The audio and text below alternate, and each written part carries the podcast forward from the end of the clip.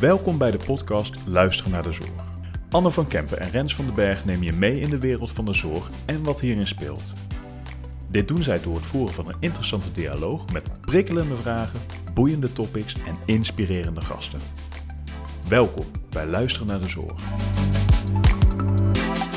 Vandaag uh, hebben we als gast uh, Erik Beemelmans van uh, Hero. Hij mag de afkorting zo meteen zelf even vertellen. Um, en dit is een uh, iets andere podcast uh, dan uh, we normaal gesproken hebben. We gaan met Erik namelijk ook echt hebben over een inhoudelijk onderwerp, namelijk werkgeluk. Wat is werkgeluk? wat houdt het in? En um, nou, waarom zouden zorgorganisaties zich daarmee bezig moeten houden? Um, nou, Erik, welkom. zou je kort iets over jezelf willen vertellen? Ja, ja, um, werkzaam voor EHERO. De afkorting uh, staat voor de Erasmus Happiness Economics Research Organization. Dus ik ben blij dat dat ook een afkorting uh, kent. Uh, multidisciplinair Kennis- en Onderzoekinstituut aan de Erasmus Universiteit op gebied van geluk. Um, waarom zijn wij op aarde? Om bij te dragen aan een groter geluk voor een groter aantal mensen. En dat doen we enerzijds door kennis te ontwikkelen, te genereren door middel van onderzoek. En anderzijds ook door kennis eh, te verspreiden eh, door middel van onze opleidingsprogramma's. En um, ja, werkgeluk, hè, we hebben daar een mond vol uh, van over. Um, kun, je, kun je eens iets vertellen, wat is eigenlijk geluk? Ja, wat is geluk? Kijk, geluk is, geluk is voor iedereen anders. Nou, laat ik daar uh, mee beginnen. Dus geluk ervaar je uh, heel erg persoonlijk, heel erg individueel. Nu is er binnen de wetenschap wel een soort van definitie ontwikkeld uh, met betrekking tot geluk, zodat alle professoren, alle wetenschappers het over dezelfde appel hebben als ze het over appels uh, hebben. En je zou kunnen zeggen dat uh, geluk de mate is waarin iemand zich prettig voelt in het leven en tevreden is met het leven als geheel. Dat is de, de, de, de, de definitie zeg maar, van, van geluk. Um, en dat kun je op verschillende manieren framen, hè, geluk.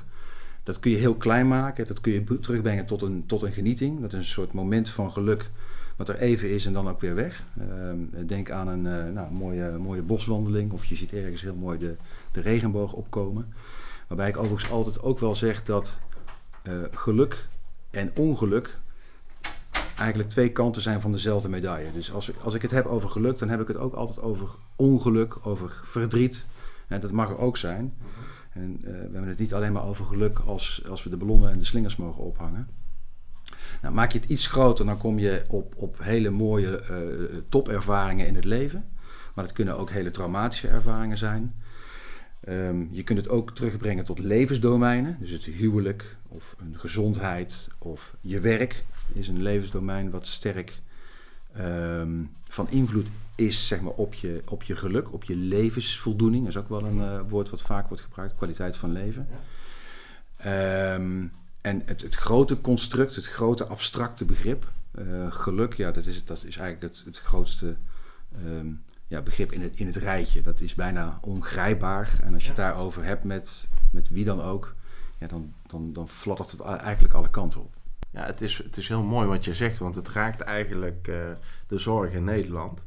Uh, op twee manieren. Want als we het hebben over werkgeluk, hè, dan hebben we natuurlijk ja. over al de mensen die in de zorg uh, werken. Maar ik besef me ook dat eigenlijk bijna op iedere grote ouderenzorgorganisatie haar gevel zou zoiets moeten staan als een bijdrage leveren aan de kwaliteit van leven van Ja. kwetsbaren. Ja. Kwetsbare ouderen of mensen met een beperking. Um, wat is wat, dat verschil? Dat geeft heel mooi aan in domeinen. Hè? Dus je zegt dan van ja, je werk is een onderdeel daarvan. Ja. Um, hoe, hoe, zie je dan de balans daarin? Nou, het, het, mooie is natuurlijk als we het over de zorg hebben, dan hebben we het over uh, je werkt in de zorg. Ja. Maar je bent eigenlijk bezig met het geluk van de mensen die je mag verzorgen. Ja, kwaliteit van leven, uh, ja. van de, van de mensen die je mag verzorgen is in een ziekenhuis trouwens niet anders. En ik denk als je dat heel ver doorvoert, dan is dat bij een bank of bij een, een, een supermarktketen ook niet anders. Uh, je wil iets hè, vanuit dienstverlening betekenen voor de mensen voor wie je het doet. En dat is binnen het onderwijs en binnen, nou, ik denk de zorg, maar ook bij de politie, misschien sterker gedreven door betekenis. Ja. Um, en daar vind je in je eigen geluk ook weer een stuk betekenis. Ja. Dus daar raakt het elkaar. En ik denk, uh, uh, nou, wat dat betreft, ik praat ook altijd over uh, geluk in de, in de grotere context. Mm -hmm. Dus werkgeluk is een afgeleide van, van, van geluk. Bestaat feitelijk niet, als je dat misschien zo zou kunnen zeggen.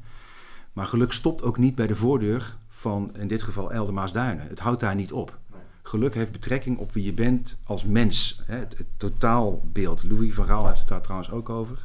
Praat tegenwoordig in termen van totaalbeeld, totaal mensbeeld. Ja. Dus ik adviseer organisaties om vooral te kijken naar geluk vanuit het grotere perspectief. Kwaliteit van leven van medewerkers. Want als je te maken hebt met een scheiding thuis, als je te maken hebt met een overledene in de eerste lijn, als je te maken hebt met overgang, slapeloosheid, uh, noem het maar op, mantelzorg, dan zijn dat allemaal aspecten die, kun je zeggen, in je, in je, in je privéleven plaatsvinden, maar een hele grote invloed ook hebben op hoe je in je werk staat op het moment dat je weer die deur, doorstapt. Dus je kunt die niet loszien van elkaar. Nee. nee. En um, uh, nog even de link leggen met de sector, de, de zorgsector, waar, waarvoor we deze podcast uh, opnemen. Waarin eigenlijk dus al dat grote deel betekenisgeving in zit. Um, is het daarmee nog steeds nodig om dan dus aandacht te hebben voor het werkgeluk van medewerkers? Omdat het al zo'n groot deel van je werk is? Hoe kijk je daarnaar? Is het niet al vanzelfsprekend iets wat je bereikt door je, door je dagdagelijkse werkzaamheden? Nou, het levert zeker een bijdrage, maar het is niet vanzelfsprekend. Kijk, er zijn heel veel facetten daaromheen. Hè. We hebben elf voorspellers, grote voorspellers blootgelegd vanuit onderzoek. Die allemaal meer of minder sterk samenhangen met geluk. Zinge zingeving en impact is daar één van maar staat niet vaak boven op die ladder. Hè. Als je kijkt naar werk-privébalans, uh, verbondenheid en samenwerking, als je kijkt naar uh, waardering en erkenning, dat zijn wel de drie uh, voorspellers die binnen welke organisatie dan ook, hè, of je het nou hebt over een bankaire organisatie, over een luchtvaartorganisatie, dat zijn wel de voorspellers die vaak naar, naar boven komen in relatie tot geluk, levensvoldoening van medewerkers. Ja. Ja, je noemt uh, belangrijke voorspellers van geluk voor een specifieke organisatie, denk ik. Uh, hoe komen jullie achter die uh, voorspellers van geluk? Wat, wat werkt nou voor die organisatie? Nou, we hebben binnen, de, binnen het onderzoeksinstituut hebben we een theoretisch model ontwikkeld op basis van heel veel studies die er al zijn. Dus we hebben gekeken in al die studies wat, wat zijn nou termen die vaak terugkomen in relatie tot well-being, in relatie tot engagement, in relatie tot uh, happiness. En daar hebben we elf voorspellers eigenlijk uit, uit, uitgefilterd. En als wij onderzoek doen binnen organisaties um, en we vragen eigenlijk aan de medewerker, hè, wat zijn voor jou nou de, de, de, de, de belangrijkste voorspellers, belangrijkste thema's in relatie tot je eigen levensvoldoening en werkvoldoening, dan, dan ga je daarin uitkomsten zien binnen, binnen de organisatie. En dan komen die drie die ik net noemde, komen vaak naar boven. En dan maakt het eigenlijk niet uit in welke sector je zit. Je ziet die drie vaak terugkomen in de uitkomsten van, uh, van onderzoek. Ja, en dan? Dan weet je dat, hè? Wat, wat voor jou uh, als organisatie belangrijke voorspellers zijn. Ja. Hoe kun je er dan vervolgens mee aan de slag gaan? Ja, kijk, uh, we, we, zeggen altijd heel mooi, hè? iedereen is verantwoordelijk voor zijn eigen geluk dat is in, in de basis ook zo. Hè. Je zit zelf achter het stuur van je eigen bus. Maar het is wel handig als de organisatie of als leidinggevende daarin faciliteren. Als die het klimaat creëren waarin ja, geluk kan floreren. Um, het heeft echter geen zin als je um, de keuze voor een voorspeller waar je aan wil werken overneemt. Hè, en dat heel erg top-down weer de organisatie uh, inbrengt. En zegt nou wij gaan collectief aan waardering en erkenning werken. Laat die beslissing, die keuze, die wel overwogen keuze, vooral over aan het individu, aan de teams, aan de afdelingen, die daar zelf heel goed keuzes in kunnen maken en daar ook invulling aan kunnen geven. Ja, en daarmee intrinsiek gemotiveerd zijn om er ook echt mee aan de slag te gaan. Ja, intrinsiek gemotiveerd. En uh, jij weet waar ik altijd uh, aan refereer, het model van Daisy Ryan. Dat is de zelfdeterminatietheorie, oftewel hè, de, de, de drie psychologische baasbehoeften die intrinsieke motivatie stuwen. Dus autonomie, zelf regisseur van je eigen leven.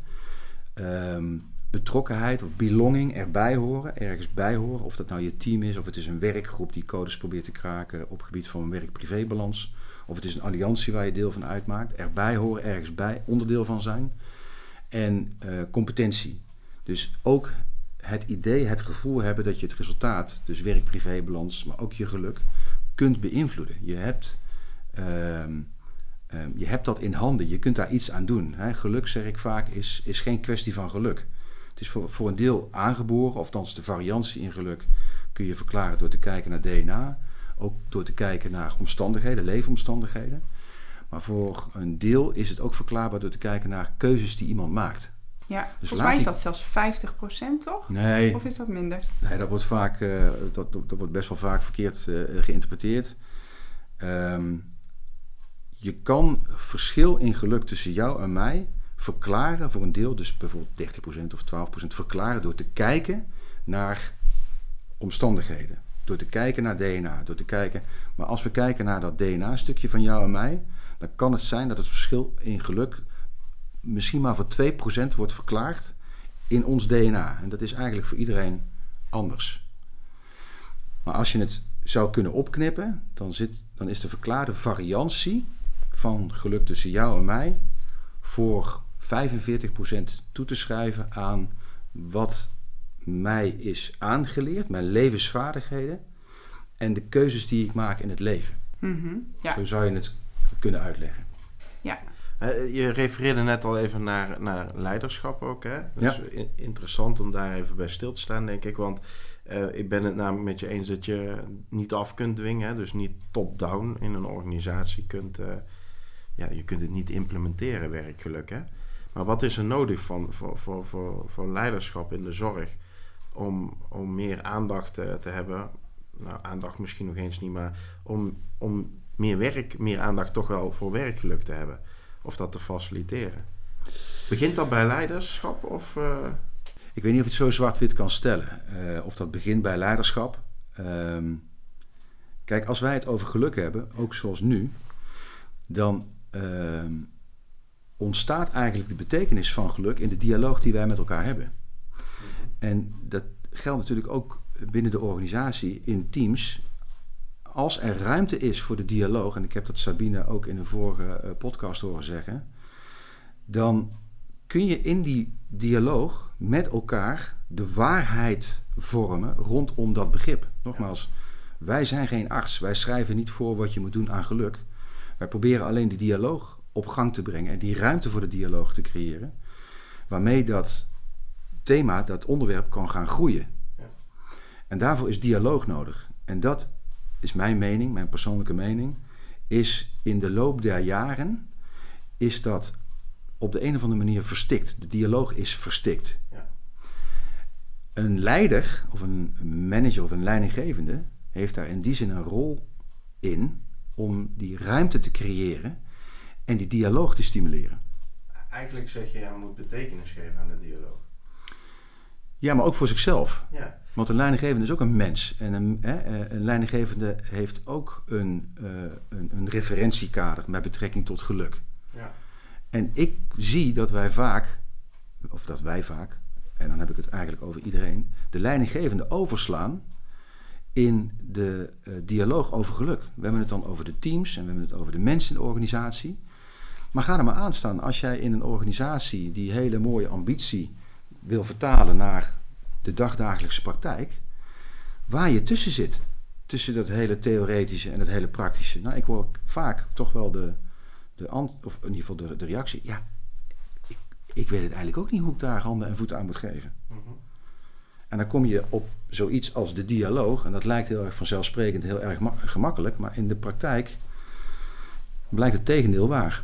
Ja, en wat ik meestal ook merk hierin eh, is dat als je komt, als een dialoog leidt tot gedeelde betekenis, dus dat we het eens zijn over, eh, over bijvoorbeeld werkgeluk in een team, dan, dan, gaan, dan kun je verder bouwen. Hè? En dan zie je eigenlijk dat mensen zich gaan eh, ehm, in, in, in de positie komen dat ze ook zich eh, kunnen ontwikkelen, waardoor ze zich misschien wel iets eh, fijner gaan voelen.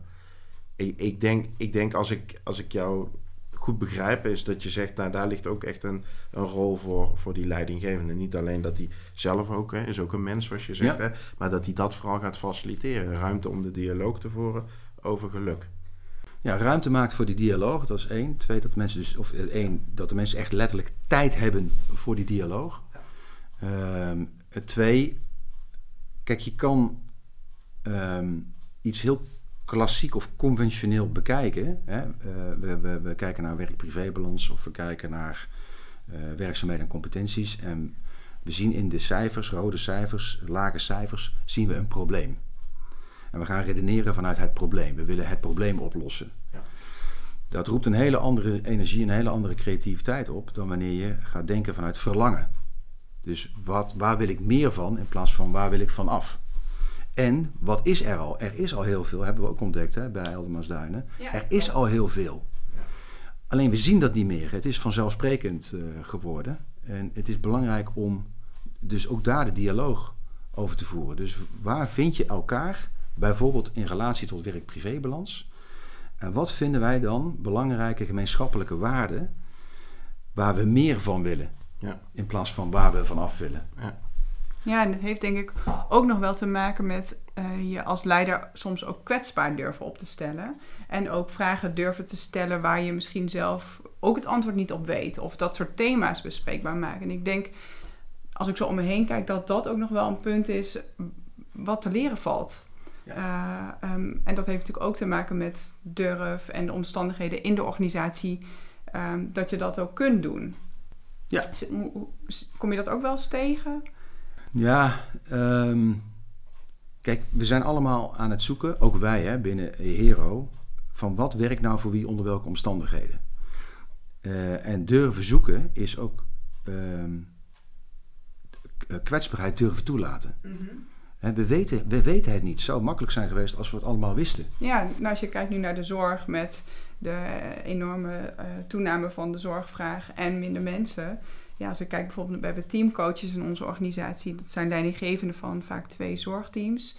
Ehm, die hebben echt te kampen met problemen ten aanzien van bezetting. eh, soms ook met, met verzuim wat eh, aan het begin van de dag op je afkomt. Ja, en dan ook met een team durven en kunnen bespreken van ja, we staan nu voor deze uitdaging. Ik heb zelf ook niet per definitie het antwoord, maar we kunnen wel daar met elkaar samen naar kijken en kijken hoe we dat kunnen oplossen. ja, Ehm, ja. Is iets anders dan wanneer je als leidinggevende naar je team toe gaat en zegt van jongens, ik heb de oplossing. Ja. Nou, en ik denk dat de oplossing ook vaak wel in het team zelf ligt. Hè? Precies. Dat dus begint... nee, ik denk dat dat ook juist heel goed is om daar het gesprek Ja, over aan te ja. gaan. Ja. En ik denk dat ehm, de, de, de, de, de uitdagingen die je net beschrijft, hè, het herkennen van die uitdagingen, dat dat één is, één schakel in het geheel. Het erkennen wat het met je doet, in termen van hé, dat maakt me onzeker, of dat maakt me onrustig, of dat maakt me zelfs eh, gefrustreerd of verdrietig. Hè, dat is het toelaten van die kwetsbaarheid. En ik denk dat je daarin ook steun vindt bij elkaar als dat, als dat zich voordoet. En als je dat erkent, dan kun je het pas gaan verkennen hè, vanuit het perspectief: oké, hebben we hier nou een probleem wat we willen oplossen, of draagt het bij aan een verlangen waar we meer van willen? En dat laatste, dat merk ik in de praktijk wel. Eh, Dat heet, eh, officieel heet dat waarderend onderzoeken of appreciative inquiry. Dat geeft een hele andere energie, een hele andere eh, dynamiek.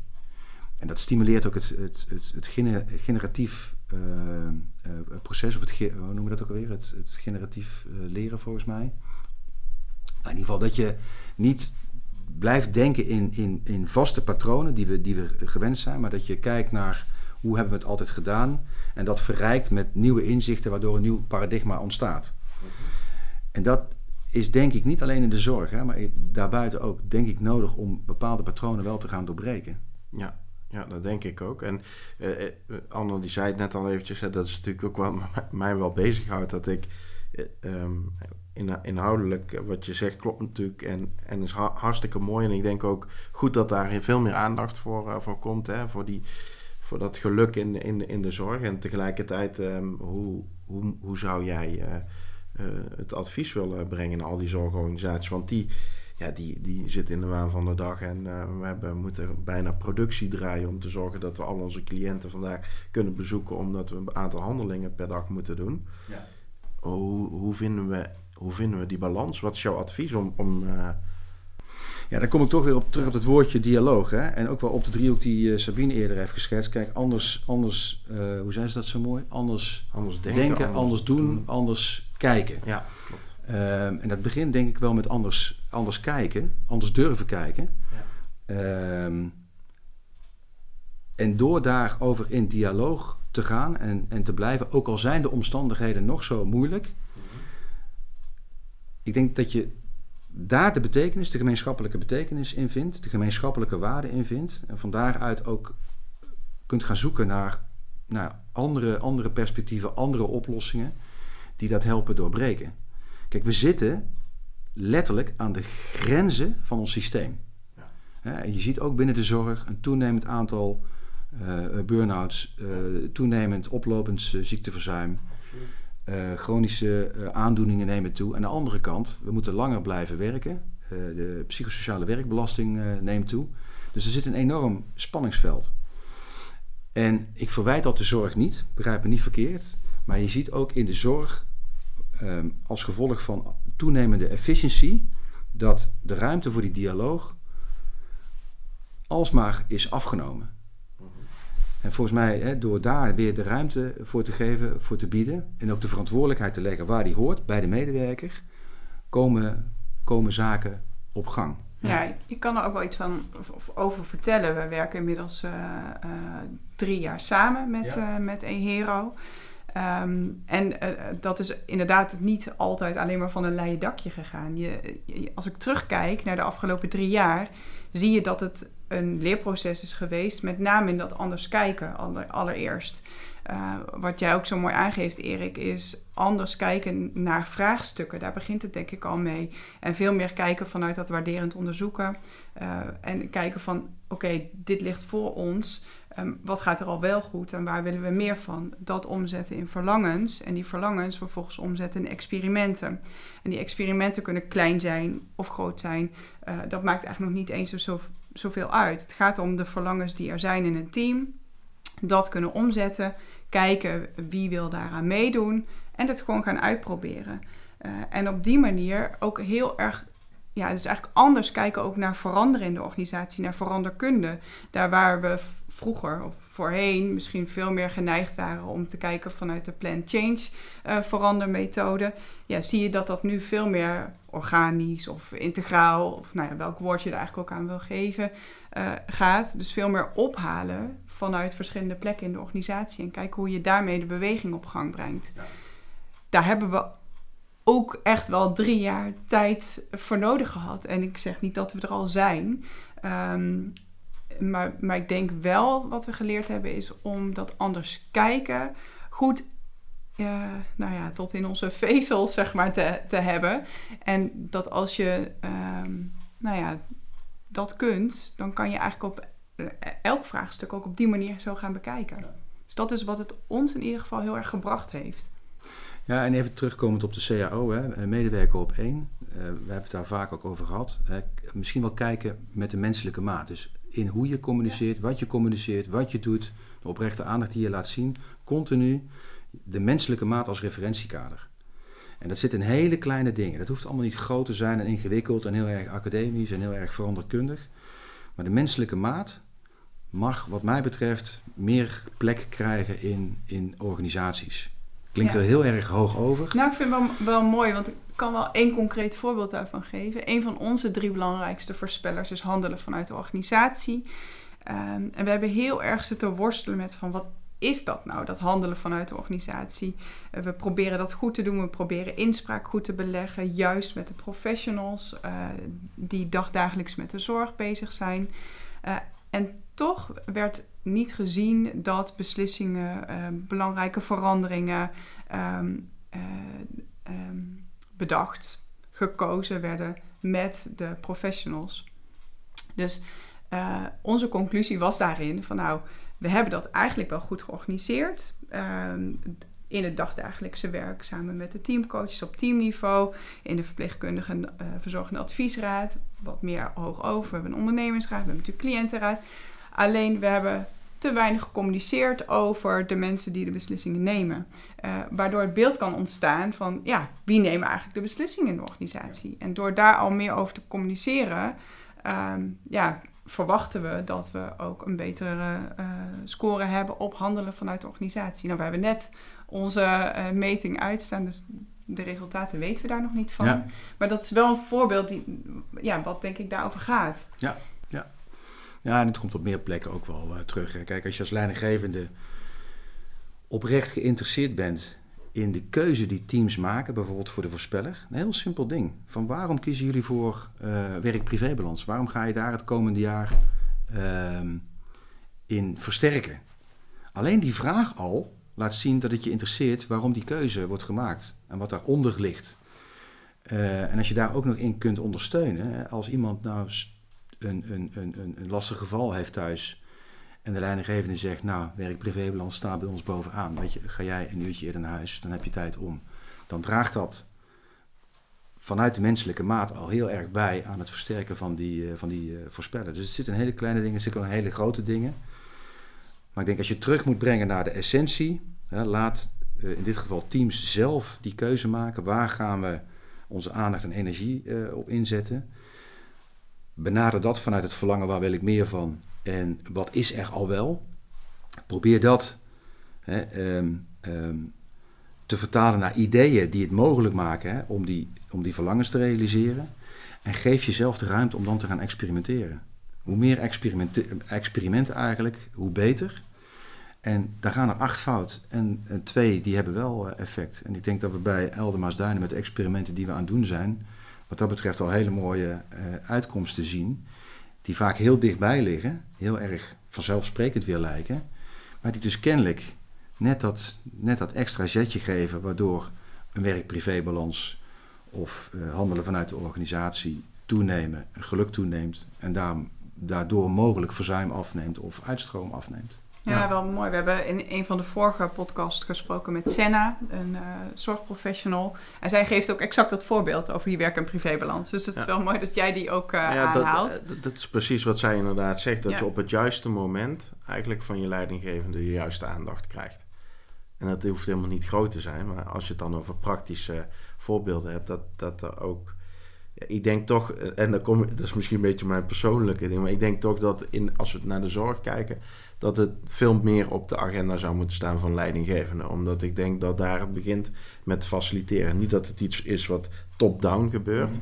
Maar uiteindelijk het faciliteren van de ruimte die nodig is om te durven te praten. En ook de ruimte te krijgen om te praten over werkgeluk. En dat in kleine dingetjes. Dus vooral de bewustwording. Volgens mij gaat dat heel erg helpen bij alle uh, punten die je net ook vertelde en aandraagt. Ja. Mooi. Ja, we, Heel mooi. We sluiten deze podcast altijd af met een uh, tip. Een tip? Heb ja, jij een, tip. een uh, tip? Een tip voor de luisteraar. een tip voor de luisteraar. Het was wel serieus. We hebben weinig gelachen deze aflevering. Nou, ja, ja maar, dat, maar dat, komt, maar dat, is maar dat, ligt, dat, ligt, niet aan jou trouwens hoor, dus ik begrijp het niet verkeerd. Dat is mijn tip, er moet meer gelachen worden. Ja, er moet meer, gelachen meer humor uh, zijn. Nee, helemaal niet. Nee, nee, ik begrijp het niet verkeerd, maar het is, uh, het is uh, inderdaad... Ja, dat klopt, ja. Ik, ik was ook wel erg geboeid ook, maar ik ben inderdaad heel benieuwd naar die tip, ja. Nou, en misschien heeft hij toch wel te maken met humor. Ik denk als je uh, rondom dit thema, ja. uh, met de uitdagingen die voor ons liggen en de manier waarop we geluk ja, proberen te vergroten voor een groter aantal mensen, dan komt daar wel veel relativeringsvermogen bij kijken. En dat relativeringsvermogen helpt wel om te zeggen: dit is niet gelukt, niet erg, en we gaan weer door en we gaan door naar het, uh, naar het volgende experiment of de volgende ideeën die we hebben. Kijk, we zijn codes aan het kraken en ehm, ja, dat impliceert dat je iets zoekt wat je nog niet weet. Dus ja, hoe, hoe, hoe sterk wil je de mist inrijden? En dan moet je denk ik vooral blijven lachen. En vooral ook met elkaar blijven relativeren. Dus laat dat dan maar de tip zijn. het komt ook wel goed. Ook al uh, zijn de uitdagingen heel groot die, uh, die op ons afkomen. Ja, en als tweede tip heb ik misschien nog wel uh, om het woord werkgeluk te gaan vervangen door medewerkergeluk. Het gaat uiteindelijk om de medewerker. En ook daarin, in medewerkergeluk, vind je weer die menselijke maat. Ik merk bij veel medewerkers in zorgorganisaties dat ehm, werkgeluk vaak wordt geassocieerd met dat doen we voor de organisatie, dat doen we voor het werk. En ik denk dat medewerkergeluk al dichter bij uh, de essentie komt uh, en dichter bij eigenlijk de persoon die het gaat. En dat is de medewerker. Medewerker op één. Dus gebruik alsjeblieft het woord medewerkergeluk. Medewerkergeluk. Die gaan we meenemen. Ja, ook heel mooi samen met de nieuwe CAO, medewerker op één. Ja. Medewerkergeluk. Nou, super. Hartstikke bedankt uh, voor je tijd, Erik. Graag gedaan.